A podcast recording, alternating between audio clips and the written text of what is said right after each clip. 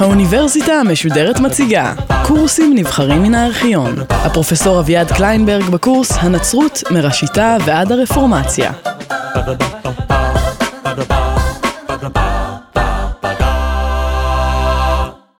מסדרי הקבצנים, או המדיקנטים שעליהם דיברנו בשיחה הקודמת, קשורים בעוד התפתחות חשובה שבאה בעקבות הרפורמה. אמרתי שהרפורמה שינתה באופן מהותי את הדרך שבה נתפס היחס בין הכנסייה לחברה. מסדרי הקבצנים היו אחד מן המכשירים שבאמצעותם הסתערה הכנסייה על קהל היעד שלה, במטרה לתת תוכן לנצרות החיצונית שלו. המפגש הזה בין אנשי העילית לבין הקהילות המקומיות השונות, בין אלה שייצגו את הנצרות של המרכז לבין הגרסאות המקומיות השונות שלה, היה יכול להיות לעיתים טראומטי. קחו לדוגמה סיפור מפורסם על האינקוויזיטור אתיין מבורבון. אתיין מבורבון הולך לבקר יום אחד בכפר אה, מדרום לליון, והאנשים אה, אומרים לו שהם אה, הולכים אצל הקדוש אה, גיניפור. מי זה הקדוש גיניפור? שואל אה, אתיין. ואנשים מגלים שהקדוש גיניפור הוא כלב, זרזיר מותניים. אתיין מזועזע לחלוטין, האנשים האלה עוסקים בפולחן של כלב, הוא דורש לדעת את הפרטים המדויקים של איך למען השם הגיעו למין פולחן מעוות ולא נוצרי מן הסוג הזה. האיכרים מספרים לו שהיה אציל באזור ושהיה לו ילד והיה לו כלב, יום אחד הם השאירו את הילד בבית עם האומנת ונכנס נחש איום ונורא לבית והתנפל על הילד. הכלב, גיניפור, הסתער על הנחש, נלחם בו והצליח להרוג אותו. אבל בתהליך הריסת הילד אה, נפלה, והנחש אה, החתים בדם את אה, הכלב האמיץ. האדון ואשתו חוזרים הביתה, והאדון, כיאה לאדונים, איננו חושב פעמיים, רואה את ההריסה ההפוכה, רואה את הכלב עם דם על מלטעותיו, שולף את החרב ועורף את ראשו. כמובן, עניין מאוד לא נעים, משום שמתגלה לאלתר שהכלב הוא הגיבור שהציל את הילד, הוא זורק אותו לתוך באר, מכסה אותו באבנים, נוטע חורשה מסביב לקבר. והמשפחה של משפחת האצילים אה, עוזבת את המקום, נהרסת כתוצאה מן החטא של האדון. מי שמחיה את הפולחן הם העיקרים, שהולכים אה, אל קברו של הכלב הקדוש ומרפאים שם את הילדים שלהם. אתיין עמום מהסיפור הזה, עמום מן הפולחן המקומי שמבחינתו הוא מין שריד אה, פגאני. הוא מצווה אה, לרוקן את הבאר, אה, לעקור את העצים, ומעניש את האיכרים המקומיים בעונשים שונים, אבל די קלים בסך הכל. אה, משום שבאותה תקופה הפגניות לא נחשבה לאיום משמעותי על הכנסייה. האינקוויזיטורים מחפשים קודם כל מינים ולא פגנים. אבל התוצאות אה, לא היו תמיד כל כך חלביות, כמו במפגש בין אה, אתיין מבורבון וחסידי הכלב הקדוש. הכנסייה גילתה סובלנות uh, כלפי שרידי הפגניות, אבל כלפי אמינות או ההרזיה לא גילתה כל סובלנות. והמאה ה-13 קשורה בשינוי עצום בתפיסת הנצרות, בהפיכתה של הנצרות לדת רודפנית ואקסקלוסיביסטית. כדי להבין את משמעות השינוי הזה, יש לשוב אל המאה ה-11 ולהופעתה של אמינות כתופעה עממית. בין המאה הרביעית למאה ה-11 לא הוצא איש להורג בעוון מינות באירופה. לא משום שלא היו מינים, אלא משום שהכנסייה לא חשה מאוימת. פה ושם היה איזה נזיר שחשב לא נכון על השילוש, לדעת הבישוף המקומי. דברים מהסוג הזה אפשר היה לפתור בדרכים החביבות על הכנסייה. אתה תוקע אותו באיזה מין מנזר רחוק מאוד מן המרכז, ואוסר עליו לצאת משם uh, למשך 40 השנה הבאות. רוב האנשים נוטים אחרי זה לקבל את uh, דעת האורתודוקסיה. אבל במאה ה-11 מופיעה תופעה שונה. זה כבר לא תופעה של אינטלקטואל כזה או אחר, אלא תופעה שסוחפת אחריה אנשים רבים מכל השכבות. עדיין הכנסייה איננה ערוכה לדון בתופעה הזאת בדרך שונה ממה שהיא דנה בו בעבר. כאשר במאה ה-11 אה, שולח בישוף אחד אל וואזו מליאז' על מינות שנתגלתה באזורו, אומר וואזו שאומנם האנשים האלה הם מינים, והוא מזהה אותם עם אחת המינויות העתיקות, משום שתמיד נוח יותר לזהות אנשים ממשהו שאתה מכיר ולא לעמוד על טיבו של עניין חדש, אבל הוא אומר, אל לנו לעשות שום דבר מלבד העונשים הכנסייתיים שיש בידינו, ואומר החרם. ואשר לגורלם של האנשים האלה, כאשר יבוא הקוצר הגדול, הוא יחליט מי הם החיטים ומי הם הזונים. הוא יעשה את ההפרדה שלו. הגישה הזאת עדיין רווחת במאה ה-12. בכינוס לטרן השלישי, ב-1179 למשל, העונש החמור ביותר המוטל על מינים הוא הרחקה מן הקהילה, מניעת הסקרמנטים. אבל התפוצה של תנועות המינות וההצלחה שלהן גורמת לכנסייה לכלכל מחדש את, uh, את צעדיה. וכרגיל הכנסייה מחפשת תקדימים, זאת משהו שיכול לשמש אותה על מנת לבצע מין מהפך כזה, מין אה, הגישה של שכנוע, אה, ובמידה מסוימת הרחקה מן הקהילה, בבחינת אה, וביארת הרע מקרבך, לגישה שהיא גישה של אה, כפייה. והתקדים שהם מוצאים אה, הוא התקדים כמעט תמיד, אה, במקרים כאלה של אוגוסטינוס הקדוש, תיאולוג אה, בין המאות הרביעית והחמישית, שכפי שכבר אמרתי באחת השיחות הקודמות, השפיעה השפעה עצומה על התיאולוגיה אה, הקתולית בימי הביניים. אוגוסטינוס אה, נתקל בבעיה דומה אה, במאה הרביעית והחמישית, כאשר האנשי האמינות הדונטיסטית סירבו לקבל את השכנוע של אה, הכנסייה הרשמית האורתודוקסית. הם האזינו לדרשות, ובכל זאת לא השתכנעו. והבעיה הייתה שהאנשים האלה גם משכו אחריהם חלק מצאן מרעיתו של אוגוסטינוס ושל בישופים אה, פחות אה, צחי לשון ממנו. ובכן, מה עושים? ולאחר מחשבה ולבטים לא מעטים, מחליט אוגוסטינוס שיש לגיטימציה לשימוש בכפייה. הוא משתמש באחד מן המשלים של ישו. המשל הוא משל על מלך שהזמין אנשים לחתונת בנו, ראשית הוא הזמין את אה, שועי העיר ונכבדיה, והללו מסרבים לבוא. לאחר מכן הוא הזמין את הכי גרים והפסחים של העיר, והללו באים אה, וממלאים חלק מן המקומות. אבל עדיין נשארו מקומות אה, ריקים בתוך המשתה, בחדר המשתה, ואז מצווה המלך על משרתיו לצאת החוצה ולהכריח את כל אלה שימצאו להיכנס אל המשתה. הכרח אותם להיכנס. על פי הפרשנות של אוגוסטינוס, שועי העיר ונכבדיה הם היהודים, שאליהם הופנתה הבשורה לראשונה, החיגרים והפסחים הם אומות העולם, שעליהם הופנתה הבשורה לאחר שהיהודים סירבו לה, והמינים הם אלה שאותם מותר וצריך לכפות להיכנס. כיצד מעניקים שיניים לדת האהבה? כיצד מעניקים שיניים לדת שמייסדה אומר שיש להושיט את הלחי השנייה? כיצד מעניקים שיניים לדת האומרת אשריכם כי ירדפו אתכם למען שמי? ראינו שבמאה ה-11 כבר חרגה הכנסייה מדרך השלום והשכנוע בעת מסע, מסע הצלב. אולם אז מדובר היה בזרים, בכופרים, והסיבה הרשמית למסע הצלב לא הייתה עצם העובדה שהם כופרים, אלא העובדה שגזלו את הקבר הקדוש ואת ארץ הקודש, השייכות באופן לגיטימי ליורשיו של המשיח, שהוא מלך העולם. באירופה של המאה ה-12 היה האויב לא זר, מישהו שחי רחוק מאיתנו, אלא השכן מן הבית הסמוך, או החבר בכפר הסמוך. והדרך הייתה יצירת תחושה, ואולי תחושה אמיתית של סכנה, של מצב חירום, של מצב שהוא כל כך קשה, שהוא מצדיק אה, שימוש או נקיטה באמצעים מיוחדים. את הכפייה יש לבצע רק כאשר כלו כל הקיצין. והמצב, עם התרחבות תנועות אמינות, הינו מצב שעל פי דעתם של אנשי הכנסייה, הוא אה, מצב שבו כלו כל הקיצין. אמינות הינה סרטן, שאם לא יטפלו בו בכל דרך אפשרית יתפשט בחברה וישמיד אותה מבפנים. כאשר מדובר בסרטן, אין בוחלים באמצעים, יש לסלק אותו לפני שישמיד את הגוף כולו. בשנת 1208 מכריז האפיפיור אינוקנטיוס השלישי על מסע צלב. על מסע צלב, הפעם לא כנגד הכופרים אלא כנגד המינים. הוא מכריז על מסע צלב כנגד המינים האלביגנזים. האלביגנזים, הקטרים, אותם מינים היושבים באזור דרום אה, צרפת, אה, ונקראים על שם העיר אלבי, שהייתה אחת ממרכזיהם. מסע הצלב הזה, יש בו בין היתר גם uh, כעין פרפרזה מפלצתית על דבריו של וואזו מיליאז' על הקוצר הגדול.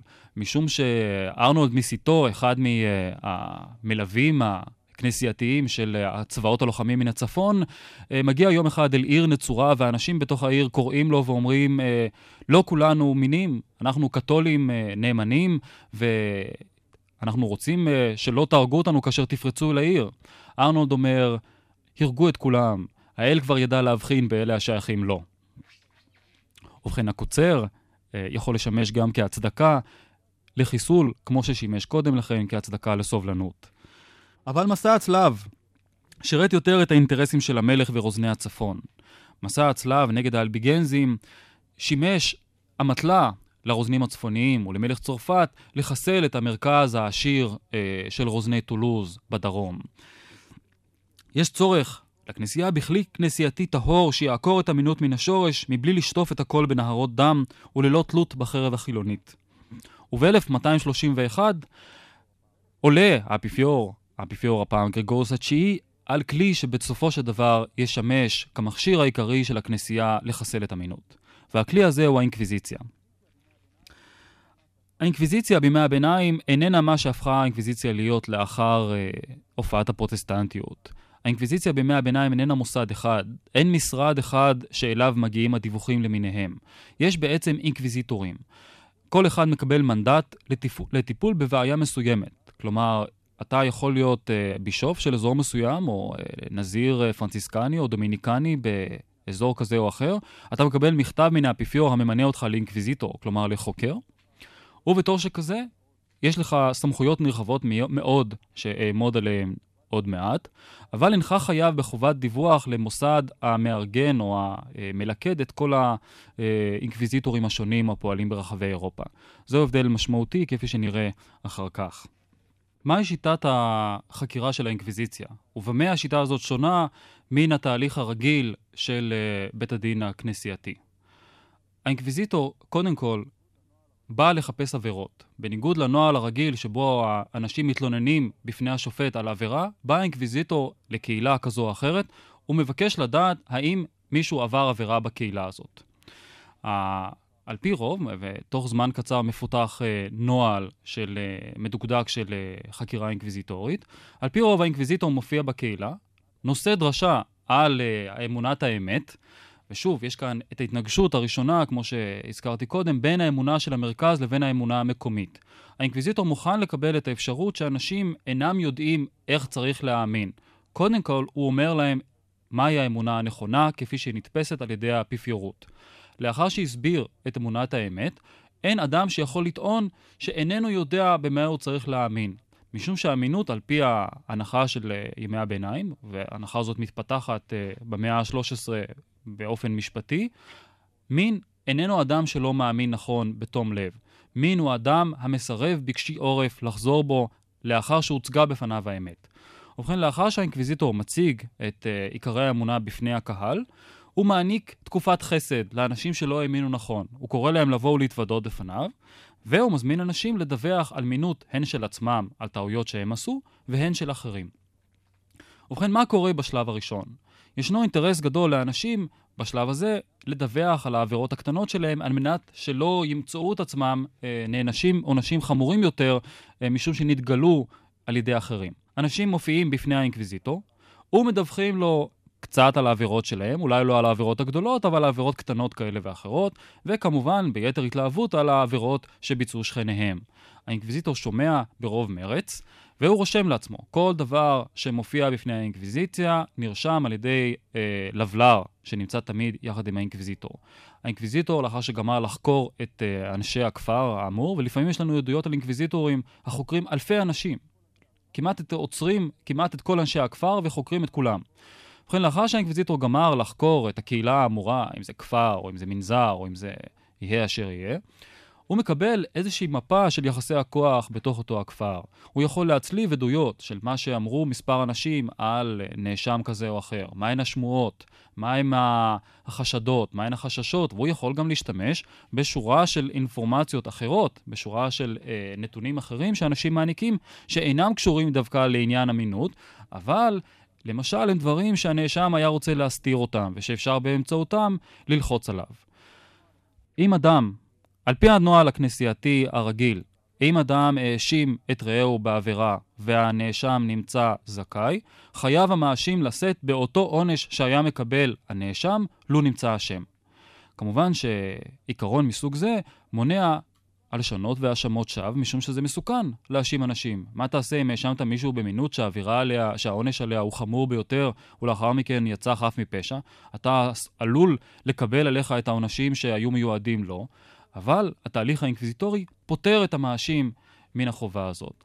ובכן, בסך הכל, די משתלם אה, להלשין, או לפחות זה לא מזיק, משום שאינך נושא באחריות. יותר מזה, הנאשם איננו מקבל את רשימת האנשים המאשימים אותו.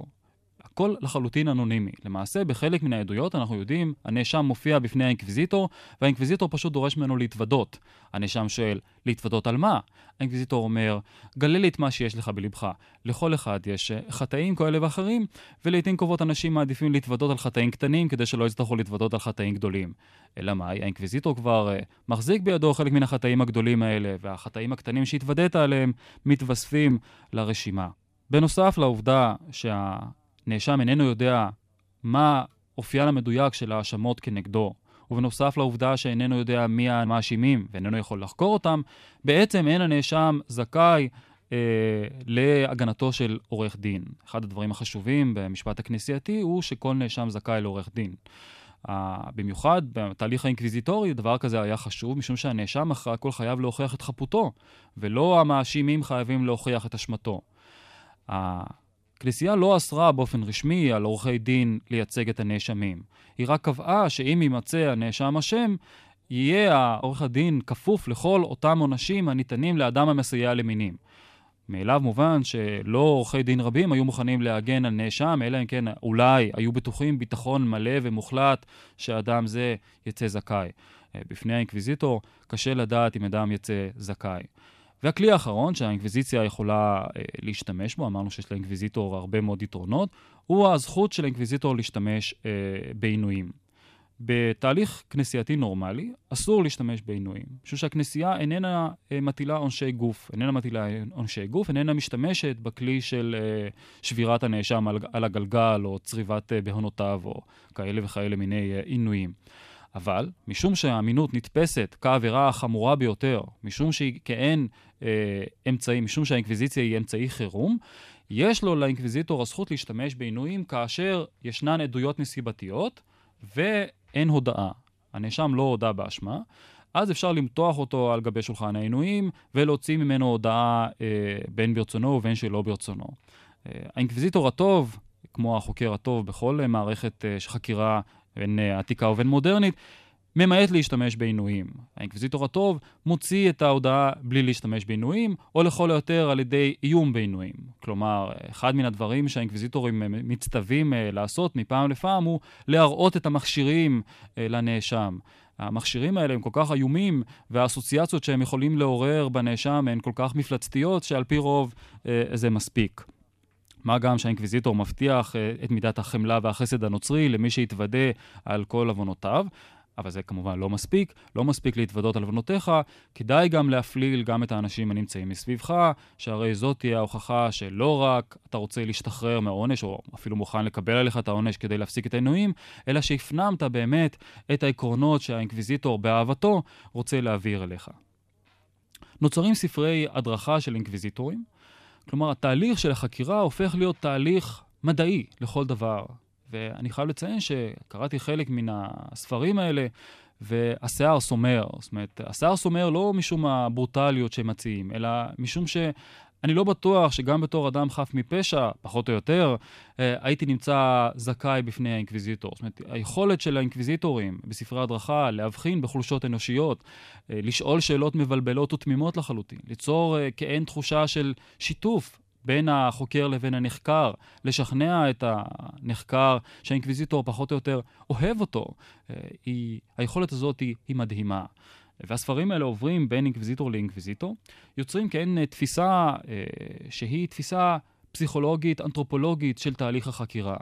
בניגוד לחוקרים מן הדורות הקודמים, אין האינקוויזיטור מנסה להלביש איזה מינות מוקדמת על הנחקר. אלא האינקוויזיטורים מקשיבים בתשומת לב, הם שואלים לעיתים קרובות שאלות פתוחות, הם רוצים להבין באמת במה מאמינים הנאשמים שאותם הם חוקרים. והידע הזה הוא כמובן כוח, משום שכאשר אתה חוקר את הנאשם הבא, אתה יכול לגלות בקיאות רבה אה, בתהליכי הגיוס למשל לתנועת המינות, אה, באמונותיה המדויקות, בחולשותיה אה, וכן הלאה וכן הלאה. מהו הכלי העיקרי של האינקוויזיציה? האינקוויזיציה משתמשת מעט יחסית באלימות. אמרתי, פה ושם בעינויים. יש לה היכולת, והיא משתמשת בה מפעם לפעם, להעביר אנשים אה, אל הרשות החילונית. הכנסייה איננה רוצה לזהם את ידיה הקדושות בדם. היא מעבירה אנשים שמהם אה, היא נואשה אל הזרוע החילונית, תוך המלצה לחוס עליהם, מה שאומר פחות או יותר שיש להוציא אותם להורג לאלתר.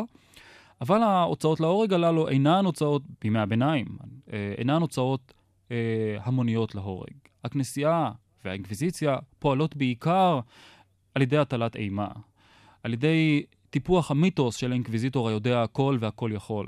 באחד ממדריכי האינקוויזיטורים, אה, מדריכו של ברנאר גי, שחלק מאיתנו מכירים אותו מן הסרט שם הוורד, ששם יש לו אה, הופעה מרכזית, ברנאר גי אומר אה, שכאשר יש לו לאינקוויזיטור ספק, כאשר יש לנו לאינקוויזיטור ספק אם, הנחקר, אם הנאשם הוא אשם, אה, אבל התהליך כבר התחיל, מוטב לו לאינקוויזיטור שיוציא אותו אשם, משום שהמוניטין של האינקוויזיטור איננו מאפשר לו להיכשל. מוטב שאנשים ימשיכו להאמין שהאינקוויזיטור הוא כל יכול, ואם נעץ את ציפורניו במישהו, הוא כבר בולע אותו עד אה, תומו, מאשר יעצור את התהליך וייצור תחושה של הססנות uh, וחוסר ודאות בקרב האוכלוסייה. השילוב, אם כן, של סנקציות uh, חומריות, המינות גוררת אחריה גם uh, אפשרות למאסר בלתי מוגבל, גם הפקעה מיידית uh, של הרכוש uh, והתהליכים האינקוויזיציוניים, מביאה בסופו של דבר להיעלמותה של אמינות ברחבי אירופה, כמעט לחלוטין. זאת אומרת, המינות הקטרית נעלמת למעשה בסוף המאה ה-14, אבל דנזים ממשיכים להתקיים אה, בהרים של אזור סבויה, פשוט משום שלשם קשה להגיע, וגם משום שהפסיקו לשמש כוח משמעותי המאיים אה, על הכנסייה. תנועות אחרות אה, כמעט שאינן מאיימות יותר על הכנסייה. אבל האינקוויזיציה לא נשארת מובטלת אה, לזמן רב. הדבר החשוב אה, שגורמת לו האינקוויזיציה, ושלא טרחתי להתעכב עליה במידת מה, שהרי אחרי הכל היא רק מכשיר, ולא אה, התפתחות תיאולוגית או התפתחות אה, תנועה דתית, הדבר החשוב הוא שהאינקוויזיציה יוצרת בתוך האליטה הכנסייתית, בתוך ההנהגה הכנסייתית, את התחושה שניתן לבער כל מי שהוא בעצם שונה. והכלי האינקוויזיטורי הוא כל כך חזק, הוא כל כך יעיל, שאפשר להשתמש בו גם כלפי אנשים שהאינקוויזיציה לא הייתה מיועדת אה, להם מלכתחילה. למשל, כלפי היהודים. לראשונה האינקוויזיציה נקראת להתערב בענייני היהודים על ידי יהודים עצמם. יש ויכוח אה, בקהילה במונפליה בשאלה האם מותר לקרוא את אה, ספר מורה הנבוכים של הרמב"ם. אה, ומתנגדי הרמב"ם מזעיקים את אנשי האינקוויזיציה בטענה שהיהודים עוסקים במינות, שהנה יש לנו כאן מינות בתוך היהדות. באופן עקרוני, לא היו האינקוויזיטורים אמורים להתעסק ביהודים. האינקוויזיטורים אמורים להתעסק במינים בלבד. אבל האצבעות מדגדגות כאשר uh, משהו מהסוג הזה קורא לך uh, להשתמש בו. והאינקוויזיטורים בנוסף לרצון שלהם להרחיב את סמכותם, כמו הרצון של כל ממסד להרחיב את סמכותם, פיתחו גם את המכשיר של התעניינות אמיתית במה שעושה האחר, של מידה מסוימת של אה, חקירה, כמו למשל מה שהם עושים בעניין היהודים. האינקוויזיציה והמנדיקנטים מתחילים לראשונה לקרוא בעיון את ספרי התלמוד למשל, את הספרות הרבנית, דברים שעד אז לא טרח איש לעיין בהם ממש. עד אז הייתה מין אמונה פחות או יותר מיתית שהיהודים נשארו משהו כמו הקראים, מעין פונדמנטליסטים קצת אה, תקועים בזמן. והנה האינקוויזיציה והמדיקנטים המפעילים אותה טורחים להסתכל, טורחים לבדוק, ומשתמשים באמצעים שלהם, של הפחדה, של אה, קולקטיבית, של עינויים, אה, על מנת לבאר גם שורה שלמה של קבוצות אחרות. למשל היהודים, למשל ההומוסקסואלים, ולמשל, מאוחר יותר, המכשפות. ובכן, מטרת האינקוויזיציה והכנסייה המשתמשת בה הייתה ליצור חברה הומוגנית וטהורה. לצורך הזה תרמו גם תהליכים אחרים. על אלה נדבר בשיחה הבאה.